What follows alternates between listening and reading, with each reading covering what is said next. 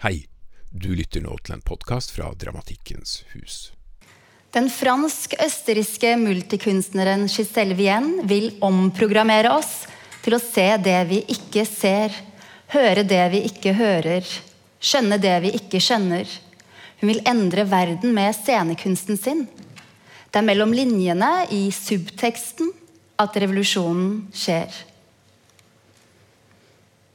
Jeg sitter i bilen sammen med kjæresten min Julian Blaue og de tre barna våre, som bytter på å være DJ-er i baksetet.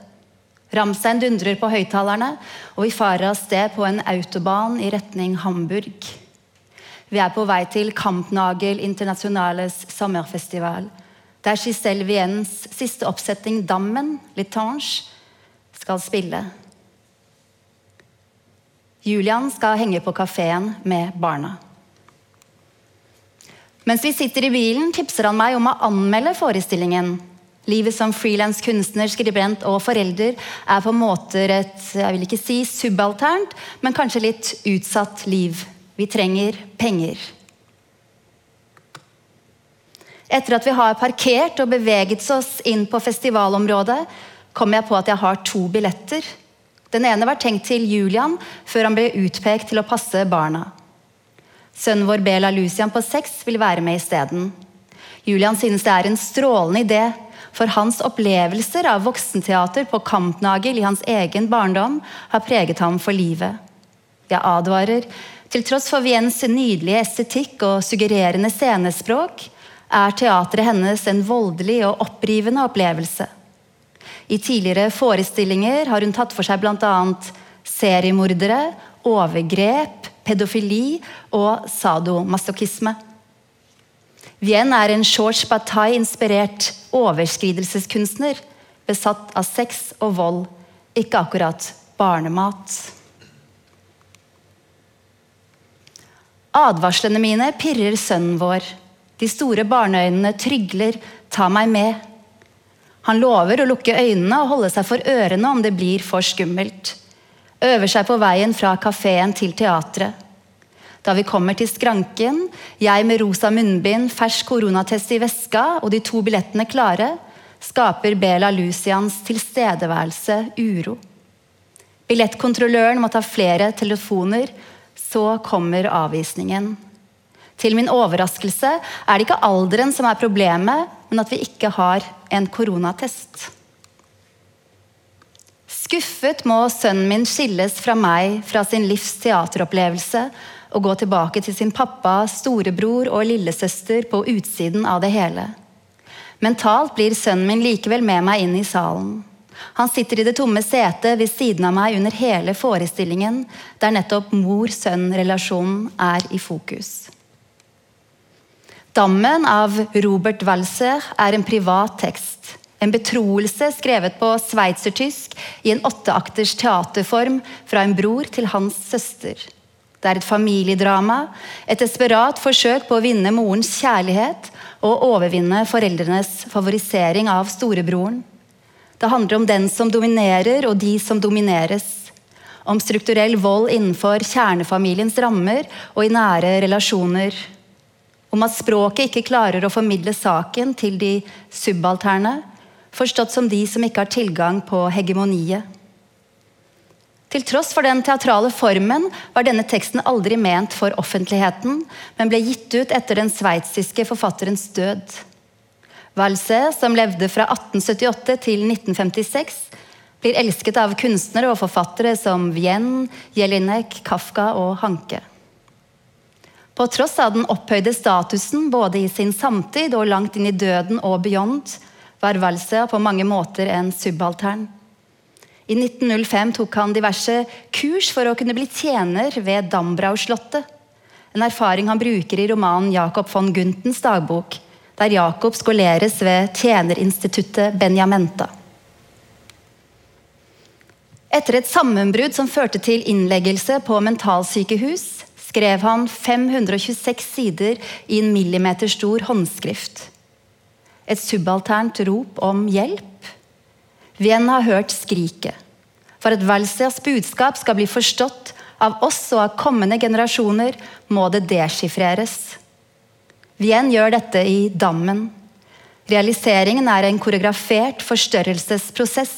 Et helt nytt og nydelig slow motion scenespråk. Scenen er gjort om til en white cube. Oppe i en seng og ute på gulvet ligger det vakre tenåringer omslynget i hverandre. Noen med hettegenser og hår ned i ansiktet. Dette er et av Jens varemerker. Rundt dem søppel, sigarettstumper, alkoholrester, tomme godteriposer osv. Morgen etter en fest. Teknomusikken spiller på full guffe, rommet belyses i et spekter av pastellfarger. Scenen varer lenge, som en installasjon i en utstilling. Tenåringene er immobile, lydløse.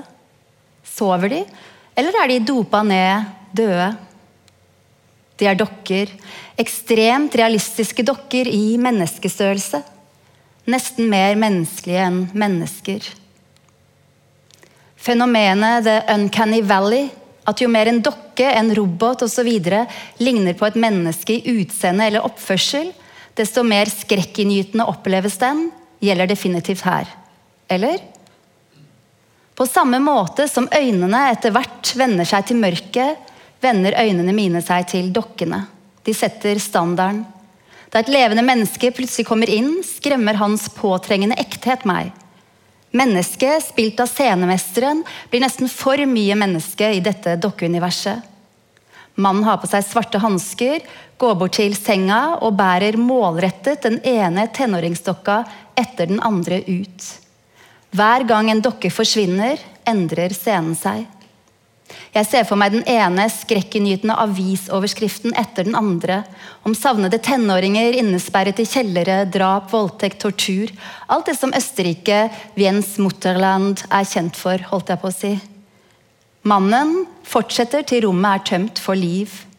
Bare den dundrende musikken, den uoppredde senga og alt søppelstæsjet blir igjen. Nachspiel-scenen og kidnappingen er nå bare et minne i hodet mitt. Døra i White-cuben lukker seg med et bang. Etter en stund åpner den seg igjen. Og en tenåringsdokke med krum rygg, hvite sneakers, hvit joggebukse, bomberjakke, hiphop-kjede, kort hår og caps kommer inn.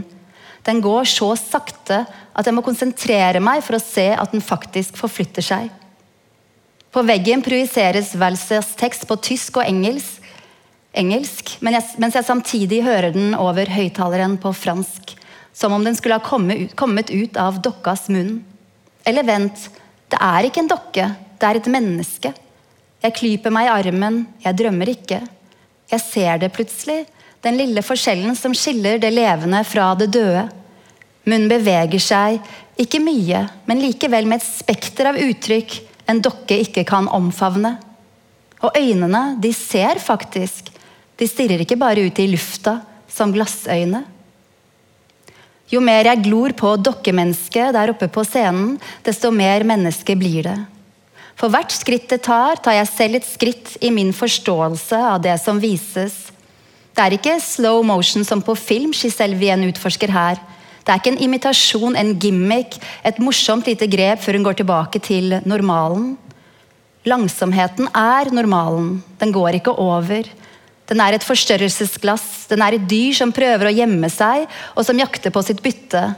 Den er tiden som står stille, en indre rytme, en depresjon, en losthet, en forelskelse. Den er den subalterne og forvirrede tenåringskroppen, out of tune med voksensamfunnet, off-kroppen.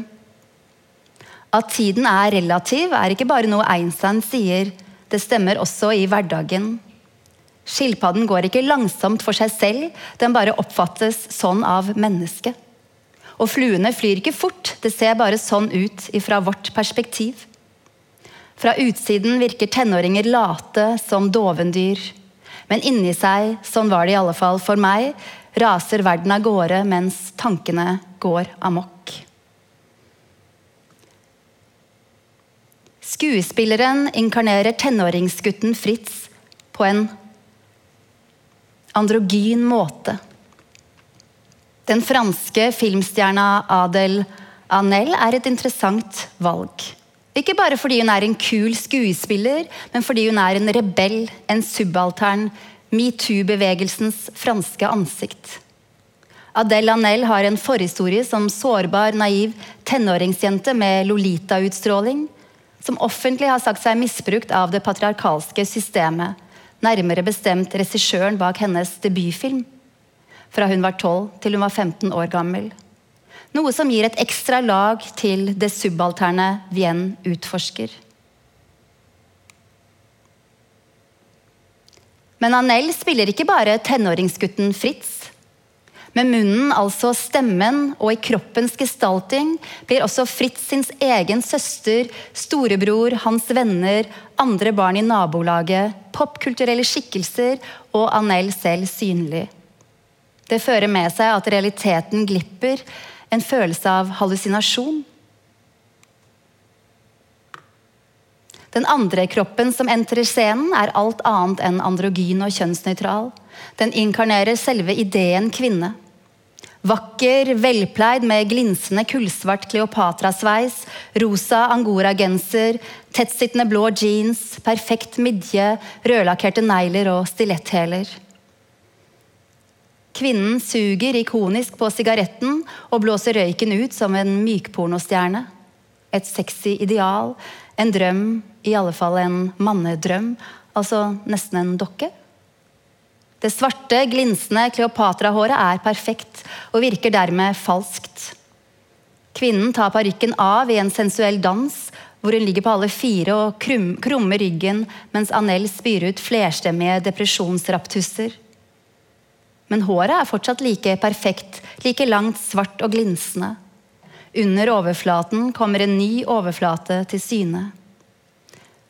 Denne kvinnen, som innenfor en patriarkalsk orden anses som et ideal, inkarnerer for det meste rollen som Fritz sin mor. Men ikke bare. Den sensuelle, presise, skremmende svensk-spanske skuespilleren Vega Fernandez spiller også faren hans og moren til en av bestevennene som Fritz er tiltrukket av, og flere andre. Uansett hvilken rolle Vega Fernandez inntar, endrer bare stemmen seg, ikke kroppen. Den er aldri androgyn som Anel sin kropp, den er alltid bare feminin. Det at de to mind-blowing skuespillerne sjonglerer ti ulike roller, inkludert sine egne, føles aldri påtatt eller patetisk.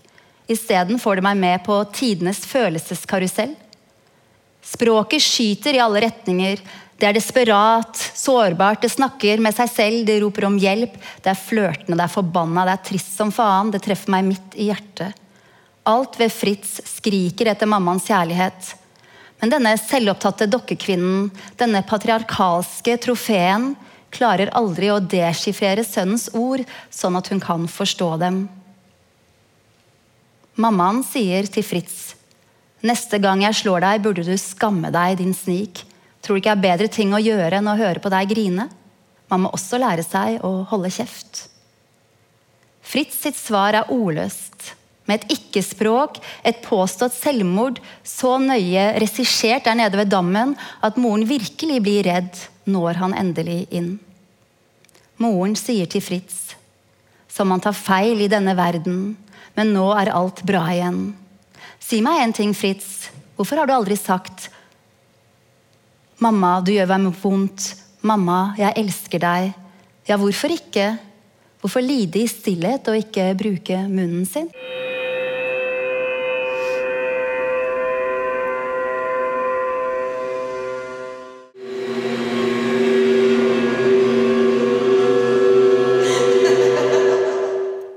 Under stående applaus fra meg og noen andre begeistrede publikummere blir superduoen kalt inn på scenen tre ganger. Dammen er streng, stilisert, brutal, men den gjør hjertet mitt åpent, blødende og melodramatisk. Da lyset slås på, løper jeg ut av teatret mot kafeen.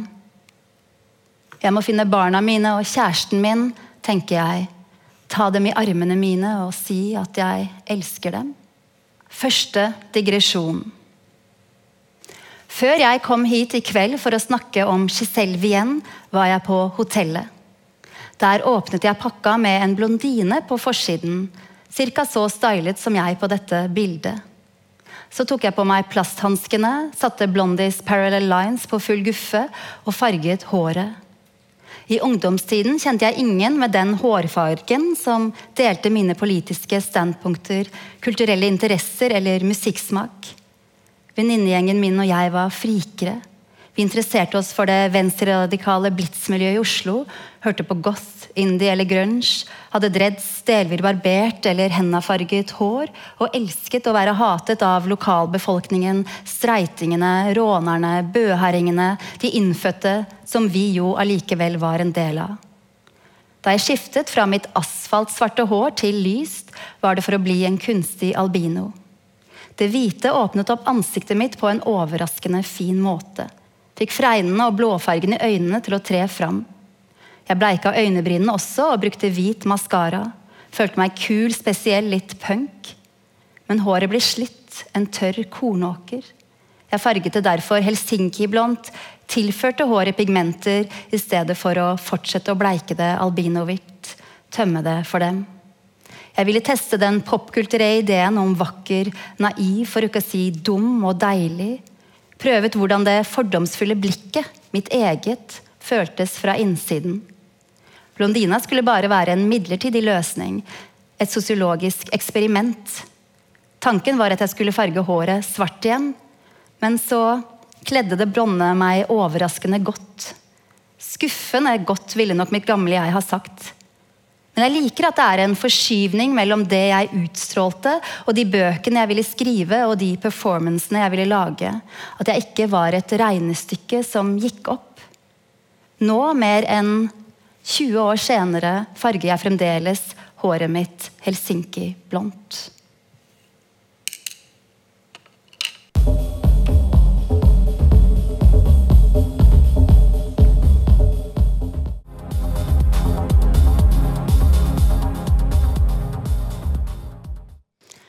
Er den introverte og rappkjefta tenåringstiden tegn på hormoner i ubalanse? En livsperiode man bør få fortest mulig overstått? Eller kan depresjonen, identitetskrisene og den fengende teknomusikken ses på som en politisk kamp?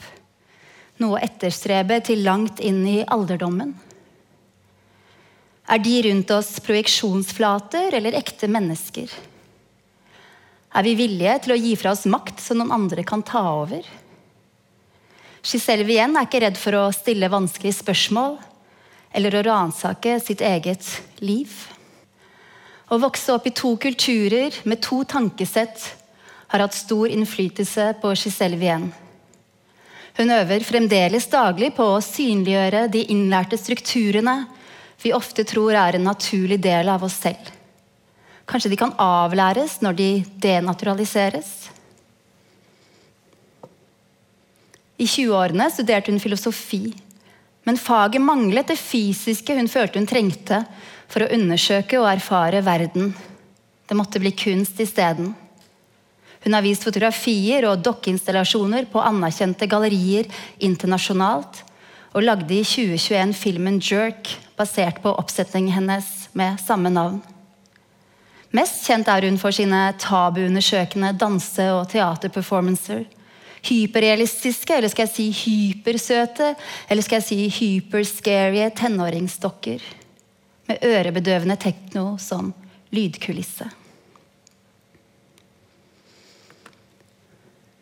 Den østerrikske moren hennes er også kunstner og var elev av Oskar Kokorska.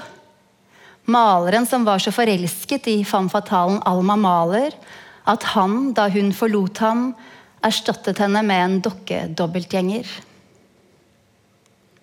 Han gikk bl.a. på teater med dokka. Før han til slutt drepte dokka. En historie som nok har satt sine spor i Giselle Vienne.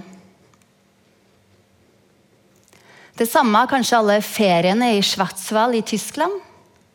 Da Vienne gjestet Nationaltheatret i 2011 med forestillingen This Is How You Will Disappear, bygde hun opp en skog på hovedscenen, innhyllet i tåke, og lot en autoritær, overgripende mannlig trener, en ung, vakker kvinnelig gymnast og en selvdestruktiv rockestjerne møtes i mørket.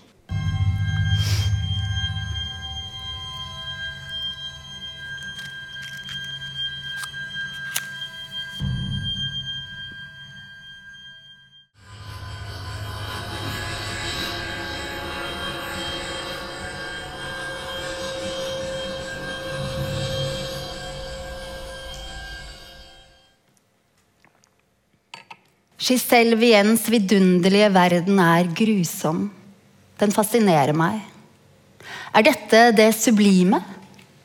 Lever jeg det ut i hennes verk, det som jeg ikke tør å leve ut i virkeligheten, men som likevel finnes inni meg? Er Giselle det nye dopet mitt? Jeg googler henne, jeg youtuber henne, jeg leser, jeg husker alt jeg kommer over. Går tur med henne på øret drømmer om henne om natta. På tide med en pause? Nei. Jeg spør Giselle igjen om et intervju, og hun sier ja. Skal jeg invitere henne til middag? Nei. Jeg tar på meg rød leppestift, neglelakk, grer det lange, blonde håret. Setter på Zoom, ser meg selv på skjermen i cyberspace. Ironisk nok ultrafeminin.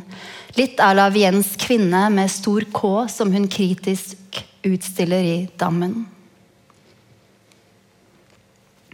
Er dette meg, eller en internalisert tvangstanke? Jeg prøver ikke engang å finne et svar, og plasserer isteden noen bøker under datamaskinen for å endre utsnitt. Jeg venter, venter, koker kaffe, venter mer. Da jeg nesten har gitt opp, kobler Wien seg på. Hun har tatt en pause i teaterprøvene for å snakke med meg. Forestillingen Dammen er ikke et ferdig produkt.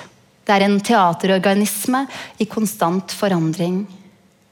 Hun er i et eller annet random rom i Marseille, backstage.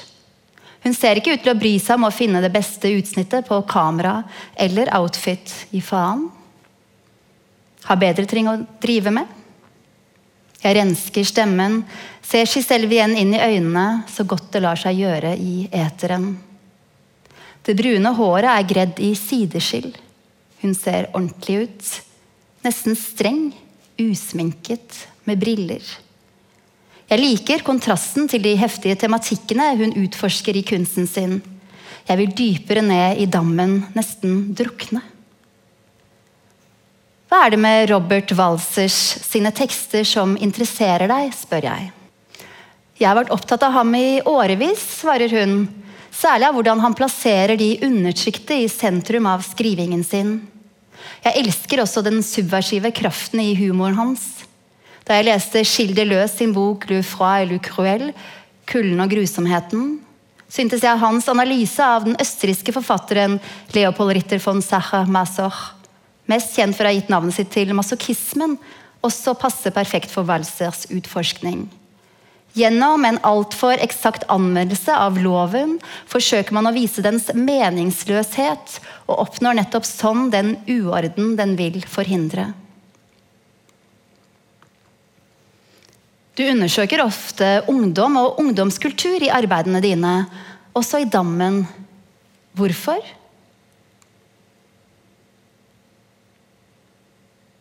Jeg interesserer meg for tenåringsdepresjon og hvordan den kommer til uttrykk kulturelt og politisk. Den setter spørsmålstegn ved status quo, synliggjør maktstrukturer og hjelper oss til å se nye muligheter. Om man fortsatt står i denne kampen når man er 40-50, sånn som meg, vel, da er man, etter min riktignok litt inhabile oppfatning, ikke pubertal. Man fortsetter bare å avvise de voldelige, normative og urettferdige strukturene det patriarkalske samfunnet er fundert på, og som konstituerer måten vi oppfatter verden på. Kan du si litt mer om det? Jeg tror det sinnet jeg, andre kunstnere og tenkere og mange tenåringer føler, er en nødvendig protest mot innskrenkede samfunnsnormer og feilslutninger om hvordan vi skal oppføre oss som kvinne, mann, familie, arbeidere. Det patriarkalske, turbokapitalistiske samfunnet både undergraver og utnytter deg. Det skaper ulikhet i måten det er strukturert på. Det er disse røttene vi må røske opp for å muliggjøre forandring. I Dammen, ja egentlig alle de kunstneriske arbeidene mine, prøver jeg å bidra til endring i måten vi oppfatter verden rundt oss på, ved å utstille, avsløre og avvise disse voldelige strukturene. Dammen er ditt første arbeid som utforsker familien. Hvorfor bestemte du deg for den tematikken? Familien er det patriarkalske herskesystemets vogge. Det er her disse strukturene plantes og blir til en del av oss. Hvordan kan man se, snakke og høre gjennom disse strukturene som stigmatiserer en? Hva er forholdet mellom språk og makt? Det at vi er opplært til å se og høre visse ting, betyr også at vi er trent til ikke å se og høre andre ting. Til å bruke språket på én bestemt måte og ikke på en annen. Blir man bevisst dette, finnes det kanskje håp om endring. Hvordan jobber du med dette i din siste forestilling?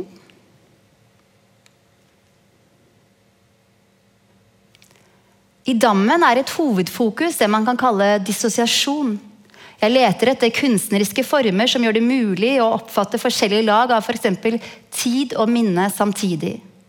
Med forestillingene mine ønsker jeg at publikum, ensemblet og jeg kan oppdage det vi ikke er vant til å se og høre.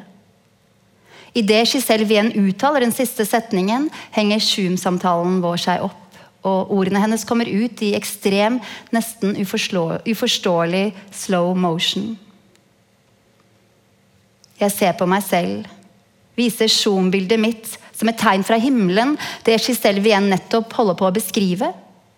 Dekonstruerer det med en synsinstans, kvinnebilde, måten vi oppfatter verden på. Via chat bestemmer vi oss for å fortsette samtalen en annen dag. Et par uker senere befinner jeg meg i 37. etasje på Park Inn Hotel i Berlin. Jeg krøller håret, så setter jeg meg ned, tar fram en fagbok fra kofferten, prøver å se tilforlatelig ut der jeg sitter og liksom leser i cinema med trykk på sinn. Det er en bok om pornoindustriens produksjonsbetingelser. Jeg kobler meg på Zoom for å se om det ser bra ut. Tilfeldig, liksom.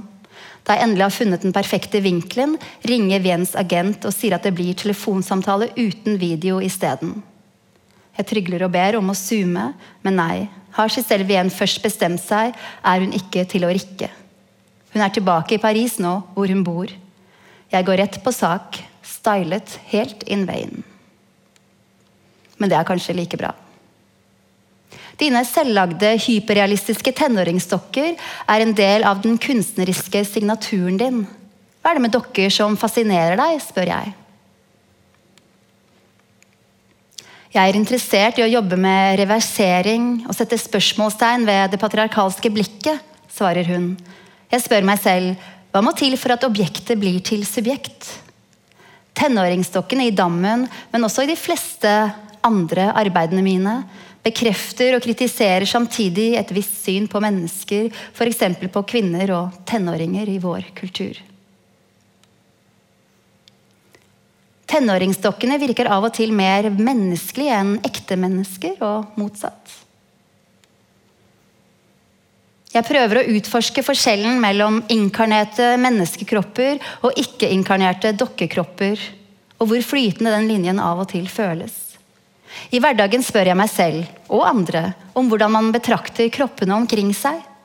Gjør jeg dem til projeksjonsflater, til bilder, eller ser alle ser og rangerer mennesker på, på forskjellig vis? Måten vi gjør det på, er et essensielt politisk spørsmål. Jeg tenker på den indiske litteraturteoretikeren Spivaks essay 'Can the Subaltern Speak?' fra 1988 hvor hun kritiserer vestlige intellektuelle, bl.a. Michel Foucault, for å skrive om den andre, den marginaliserte, fra et eurosentrisk perspektiv. Altså å dømme en fremmed kultur og dets handlemåter ut ifra egne målestokker. Ofte med et forherligende blikk på egen kultur. Den det blir skrevet om, får ikke selv mulighet til å uttrykke seg. Den blir ja nettopp skrevet om. Du gir en stemme til de subalterne, til de som ikke har tilgang til hegemoniet, til de som vanligvis ikke snakker.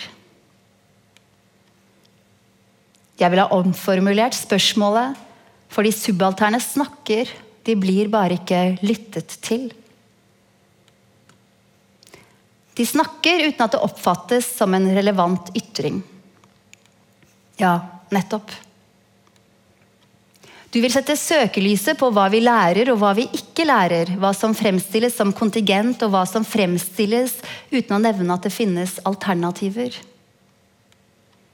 Ja, i historieundervisningen på skolen blir man i tidlig alder presentert for en fortelling om landet der man bor, og så bedt om å lære seg den som om den var en fasit. Men den er selvsagt ikke det. Den offisielle historien er ett av flere synspunkter, kan man kanskje si. Selv om det finnes mange norgeshistorier og mange historier om Frankrike, får vi ofte bare fortalt én. Gjennom forestillingene mine prøver jeg å finne ut hva som ligger skjult bak denne historien, hva som har blitt slettet, gjort usynlig eller fortiet. Har du et annet eksempel? Kjønnsspørsmålet. Hva er vitsen med å produsere og insistere på forskjellene mellom menn og kvinner som nesten den eneste fortellingen når så mange tydeligvis ikke føler seg som noen av delene? Det er etter min mening absurd å tjene bare patriarkiet, patriarkatet. Akkurat som det å skape forskjeller mellom hvite og svarte gagner et rasistisk verdensbilde. Mitt ståsted er at vi må endre måten vi snakker på for å endre samfunnet. Må man starte med familien, sånn som du gjør i Dammen? Det vet jeg ikke. Men jeg tror som sagt at det er her maktforhold bygges opp. Som barn internaliserer man det patriarkalske systemet ubevisst fordi det er det eneste man presenteres for. Skoleverket og utdanningssystemet er som oftest med på å bekrefte og forsterke dette. I forestillingene mine prøver jeg å synliggjøre disse mekanismene. Du er kjent for å utforske tabubelagte, voldelige, grenseoverskridende tematikker. Hvorfor er du så tiltrukket av det dystre? Er kunst stedet til å utforske det forbudte? Hva er dystert? Hva er voldelig? Når jeg ser på TV, blir jeg deprimert. Hører jeg på en konsert med The Swans, derimot, kommer jeg i godt humør. Andre digresjon. Nå skal jeg lese en tekst jeg skrev mange år før Russland gikk til angrepskrig, angrepskrig mot Ukraina. Bli hvis du kan, dra hvis du må. Jeg leste den på Silencio Club i Paris. Jeg leste den på Momos i London. Jeg leste dem på Green Lady i Chinatown i New York City. Jeg leste dem på Roosevelt Hotel i Hollywood.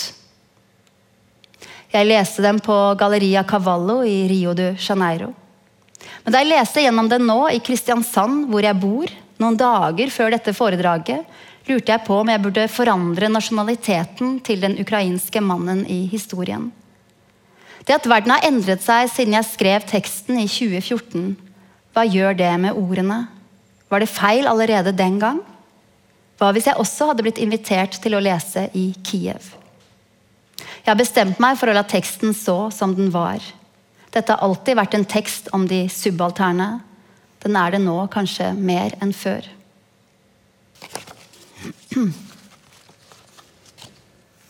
Masochistpiken. En innrømmelse. Du lurer på hvordan det begynte, gjør du ikke? Det begynner sånn. Jeg blir født med navlestrengen tre ganger rundt halsen. Jeg ønsket, men ønsker det kanskje ikke selv, dette livet. Jeg kommer fra en fin familie. Ikke fin som i borgerlig, men fin som i trygg og kjærlig. Som i 'det skjer aldri noe og kommer aldri til å skje noe her'-type familie. Vi snakker med lav stemme, smeller ikke med dørene, spiser opp maten vår. Eller det vil si, jeg later som om jeg spiser den opp. I virkeligheten blir kjøttet til utyggelige klumper i munnen min. Jeg gjemmer dem i blomsterpotter bak gardinene.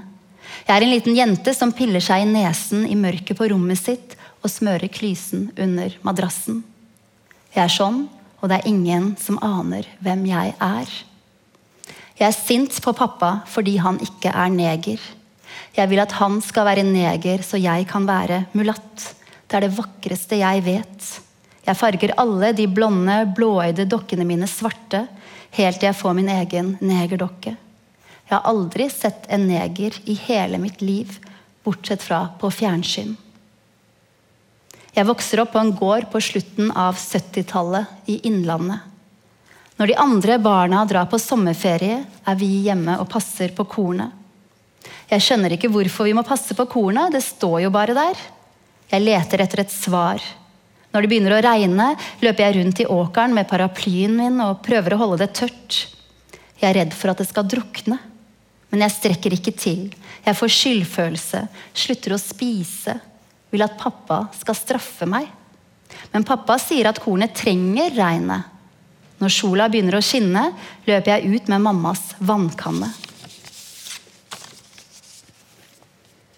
En annen ting jeg gjør, er å vente på at telefonen skal ringe. Jeg håper det er søskenbarnet til bestefar som inviterer oss til den gamle, forfalne hytta hennes ved sjøen. Hun ringer etter oss hver sommer, men vi vet aldri når. Jeg venter og venter. Når vi endelig kommer oss dit, er det første jeg gjør å løpe ned til utedoen og se om frosken vi kaller herr Andersen, fortsatt lever. Han er bitte liten, likevel skremmer han meg. Har alltid gjort det. Jeg aner ikke hvorfor. Jeg unngår utedoen og tisser i buskene isteden. Jeg er ti år, både barnslig og bråmoden for alderen. Jeg ser etter rumpetroll og pirker i det med en pinne. Jeg ligger på rygg i saltvann og flyter som om jeg var død. Jeg elsker å være her. Likevel kjeder jeg meg. Det er en kløe i kroppen min, en lengsel etter noe annet. Om kvelden skriver jeg i dagboka mi at jeg har lyst til å prøve heroin, slik som Nico i The Velvet Underground and Nico. Den plata med gul banan på forsiden. Skjønner du hvilken jeg mener? Jeg aner ikke hva heroin er. Alle bøkene jeg leser, handler enten om incest, voldtekt eller dop. Favorittboka mi er Christiane F. Jeg liker filmen også. Jeg synes hun er så vakker, hun unge jenta som går til grunne på Bahnhof Zoo i Berlin.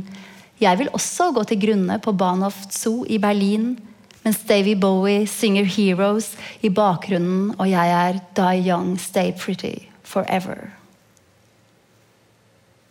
Etter en uke med å brenne meg på maneter mens jeg flyter på ryggen, skriver sprø ting i dagboka, leser i mine hemmelige bøker og lytter til musikk ingen andre liker, er det på tide å reise hjem. Med en gang vi er tilbake i bygda mi, løper jeg ned til Lona, et sted i nærheten av gården min med, med skjulte vannkulper jeg elsker å dyppe meg i. Men idet jeg skal til å sette meg oppi en, spretter en blotter ut fra bak en busk. Han har erigert penis. Jeg har aldri sett en erigert penis før. Bortsett fra i bøkene ingen vet at jeg låner på biblioteket, og på de forbudte filmene ingen vet at jeg ser. Dem jeg finner lengst inne i skapet til pappa under alle sokkene hans. Det som sjokkerer meg mest når jeg ser på disse filmene, er at de nakne mennene alltid bevarer sokkene på. Jeg hater hårete, nakne menn med tennissokker. Blotteren er heldigvis ikke en sånn mann. Han går barbeint, peker på pikken sin og spør om jeg kan rulle på den et kondom. Jeg vet ikke hva et kondom er. Han viser meg hvordan jeg skal gjøre det, så jeg gjør det mekanisk. Jeg er lydig, veloppdragen, jeg snakker med fremmede, spiser godteri fra lommene deres, setter meg på fangene deres, setter meg inn i bilene deres, suser av gårde. Jeg går på skolen, går amok, får gode karakterer, får viljen min, får egen nøkkel, får bank. Hver dag på vei gjennom skogen til skolen bank. Jeg får bank, og nabogutten Geir Tore banker på døra mi. Han vil leke. En gang har han med seg et dukkeservis. Han vil leke med det sammen med meg. Jeg tar opp de bitte små porselenskoppene og porselenstallerkenene, og så knuser jeg dem én etter én mens Geir Tore står og ser på. Han begynner å gråte. Men det er ingen fare, for pappa limer det hele sammen igjen med superlim. Sånn, sier han og smiler stolt. Nå er det akkurat som om det ikke skjedde. Først da jeg knuser serviset for andre gang, får jeg husarrest. Jeg liker å være inne på rommet mitt. Etter at pappa har gitt meg middagsmatrester på et lite brett, tvunget i meg blodpølse og en skje med tran, smyger mamma seg snilt inn til meg med et kakestykke og et glass med solbærsaft. Mamma skjønner ingenting. Jeg heller saft på kaka, moser den med gaffelen min og smører det i ansiktet. Jeg lager i stand en liten lapp og henger den utenfor døra mi. Ike for stryr, skriver jeg med så harde bokstaver at det går hull på papiret. Rommet mitt er som et enkelt betonghotell, et airport-hotell, og kan nå være hvor som helst i verden. Her kan jeg drive med mitt. Når jeg er i 20-åra, drar jeg ofte på hotell som dette. Nå er de virkelige. Henger ofte et Do Not Disturb-skilt utenfor døra mi. Jeg ringer menn, betaler, bestemmer, bestemmer at de skal komme og piske meg, at de skal fornedre meg, at de skal binde meg fast og voldta meg. Men det hjelper ikke. Jeg får dette suget inn i kroppen, suget etter å gå gjennom en park om natta i veldig korte klær, eller opp langs Akerselva hvor alle står og dealer dop. Jeg drømmer om å bli banka opp og revet i fillebiter, slik som i bøkene fra barndommen. Jeg drømmer om å bli tatt i alle mulige hull samtidig, og så kastet som søppel etterpå. Jeg drømmer at det skal skje på ekte. Jeg skammer meg. Jeg burde skamme meg. Jeg prøver å skamme meg. Jeg er privilegert. Jeg gjør alt jeg kan for å skamme meg. Jeg klarer ikke å skamme meg nok. Jeg tenker på alle som blir voldtatt i virkeligheten, som blir banka opp og revet i fillebiter, kasta som søppel, alle de jeg leser om i avisene. Jeg lytter til The Dark Side of the Moon som om det var et portrett av meg. Men når jeg ser ut vinduet, skinner sola alltid. Så møter jeg han ukrainske. Så blir det endelig mørkt på ordentlig. Du lurer på hva jeg mener med det, gjør du ikke? Mørkt som det bare blir utenfor byene, langt borte, der ingen lenger gidder å sette opp lyktestolper det er det ikke annet enn stjerner, morild, ildfluer og månelys i natta. Der husene står så langt fra hverandre at man tror man er alene i verden. Der det bare finnes ett hotell, og man lurer på hvordan noen kunne finne på å sette et, opp et hotell akkurat her, hvor ingen noen gang reiser forbi. Sånn mørkt, forstår du nå? På et sånt underlig sted er det likevel alltid oppredde senger som blir uoppredde. Nystrøkne laken som skitnes til, krølles sammen, faller ned på gulvet. Mensflekker, sædflekker, tårer og alkohol. Hver dag blir lakenene mine vasket og senga redd opp på ny. Historien med han ukrainske starter her. På et sånt sted, et sånt hotell. Fordi noen likevel reiste forbi fordi noen likevel alltid reiser forbi. Jeg er her fordi jeg synger i et band. Jeg kan ikke synge, likevel synger jeg i bandet. Det er fordi jeg ikke kan synge at jeg synger i bandet, tenker jeg. Det er min styrke, dette falske, dette i meg som aldri riktig kan treffe en tone, som hele tiden treffer rett utenfor. Vi spiller bare coverlåter, det er jeg som velger, som synger 'Heroes', 'Venus in Furs' og 'The Dark Side of the Moon' til harpemusikk, theremin og trommer. Hvis du noen gang var på det hotellet og så en dame med lys, bustete hår og altfor korte klær stå og vrikke seg mot mikrofonen mens hun sang falsk uten at det var karaoke, ja, da var det nok meg du så. Det er en sånn kveld etter en sånn konsert etter at du har gått og lagt deg, kanskje, at jeg går ned i restauranten. Matserveringen er stengt, men man kan fortsatt drikke. Jeg kjeder meg. Jeg bestiller det ene vodkashottet etter det andre. Så setter jeg meg ned ved et bord sammen med noen businessmenn fra Øst-Europa. Jeg forstår ikke hva de sier, og dette, at jeg ikke forstår dem, gjør at jeg orker å snakke med dem. Jeg setter meg ned ved siden av han ukrainske. Jeg ser på ham, ser på den stive skjortekragen, de kraftige lårene, den rette nesa og de høye kinnbeina. Jeg snakker tullerussisk, sånn jeg gjorde da jeg var liten. Alle ler så jeg snakker mer, høyere, skriker nesten. Jeg klarer ikke å stoppe. Da ingen ser det, tar den ukrainske mannen et hardt grep om hånda mi under bordet og presser den sammen til det gjør vondt. Så ser han intenst tilbake på meg. Jeg slutter å snakke, usikker på om dette faktisk skjer. Noen timer senere, da jeg sjangler opp trappene til hotellrommet mitt, skyver den ukrainske mannen meg inn. Tar kveletak på meg, holder meg for munnen og slår meg på alle mulige steder, bortsett fra i ansiktet. Han sier på sitt gebrokne engelsk at det er så jeg ikke skal få forklaringsproblemer i morgen. Jeg vrikker og vrir på meg, men han er sterkere. Først da han skal til å presse hånda ned i trusa mi, klarer jeg å skyve den bort. Og det som skjer da, overrasker meg, skuffer meg, setter meg helt ut av spill. For den ukrainske stopper med det samme og går sin vei. Jeg blir liggende igjen og skjelve, med dyna mellom beina, med hva som helst mellom beina, med et såpestykke mellom beina. Noe har åpnet seg opp i meg, en avgrunn, et personlig Bahnhof Zoo.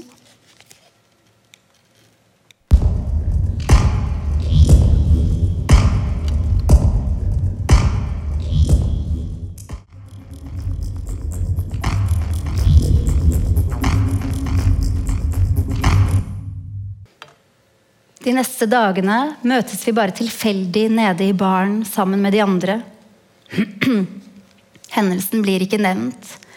Det hender bare at han igjen griper hånda mi, tar meg i ansiktet, sånne ting, mens han stirrer. Og aldri når noen ser det. Men en kveld kommer han likevel inn til meg igjen. Og da tar jeg ikke lenger bort hånda hans. I stedet lar jeg ham gjøre hva han vil hva jeg vil. Vil er jeg etter ham, etter å bli herjet med, banket opp. Hjertet banker, pulsen slår. Jeg stopper ham ikke. Etterpå kan jeg nesten ikke gå på flere dager. Og jeg liker det, disse fysiske merkene etter den ukrainske mannen. Da jeg endelig klarer å karre meg ned til resepsjonen, får jeg høre at han er borte. Han har ikke lagt igjen noe til meg. Ikke noe navn, ingen adresse. Det eneste jeg har igjen etter ham, er noen brukne ribbein, min ødelagte kropp. Du lurer på hva jeg gjør etter dette, gjør du ikke? Jeg blir værende igjen på hotellet og vente til lenge etter at oppdraget mitt er ferdig. Til jeg har brukt opp alle pengene. Til jeg er langt under minus. Til bandet og jeg er gått i oppløsning. En pille i et vannglass. No more dark side of the moon, tenker jeg plutselig, og tror jeg kan begynne på nytt, på null. Bare jeg får meg en ordentlig jobb, et ordentlig sted å bo og en ordentlig kjæreste. Og så får jeg meg det.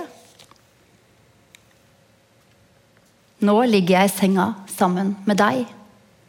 Jeg har aldri elsket noen så høyt, innrømmer jeg mens jeg stryker deg over ryggen.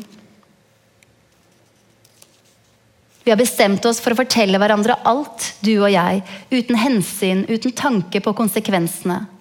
Alt vil vi vite om hverandre. Selv det vi ikke vil vite om hverandre, vil vi vite om hverandre, har vi bestemt. Alt vil vi elske ved hverandre, har vi sagt. Selv det vi ikke kan elske ved hverandre, vil vi elske ved hverandre, har vi lovet. For jeg er en annen nå enn den jeg en gang var. Den jeg en gang var, er en hemmelighet jeg ikke forteller til noen, men som jeg likevel har bestemt meg for å fortelle til deg. Jeg sier at jeg vil at du skal banke meg opp slik den ukrainske mannen gjorde. At jeg vil at du skal slå kjønnet mitt med knyttneven til det hovner og blir til det dobbelte av sin opprinnelige størrelse, til det blir svart.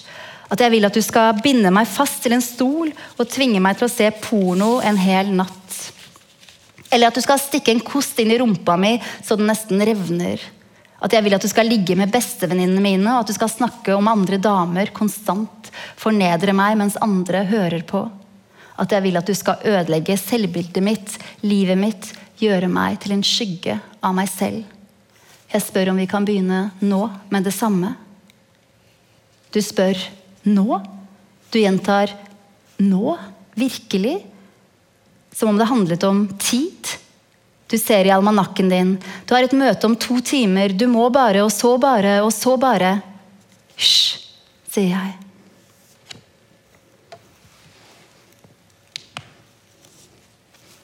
Du skjønner ikke hva jeg snakker om, så du ler. Du får plutselig latterkrampe. Klarer ikke å stoppe. Tror kanskje at jeg spøkte. Du er lettet. Det er lettere sånn. Du spør hva jeg vil ha til frokost. Lurer på om jeg vil ha egget mitt. Lurer på hvordan jeg vil ha egget mitt. Sunny side up or down, spør du. Alltid ned, svarer jeg. Sola på magen så jeg ikke kan se den, svarer jeg. Den gule plomma. Stikk hull på den, svarer jeg. La sola blø utover og forsvinne.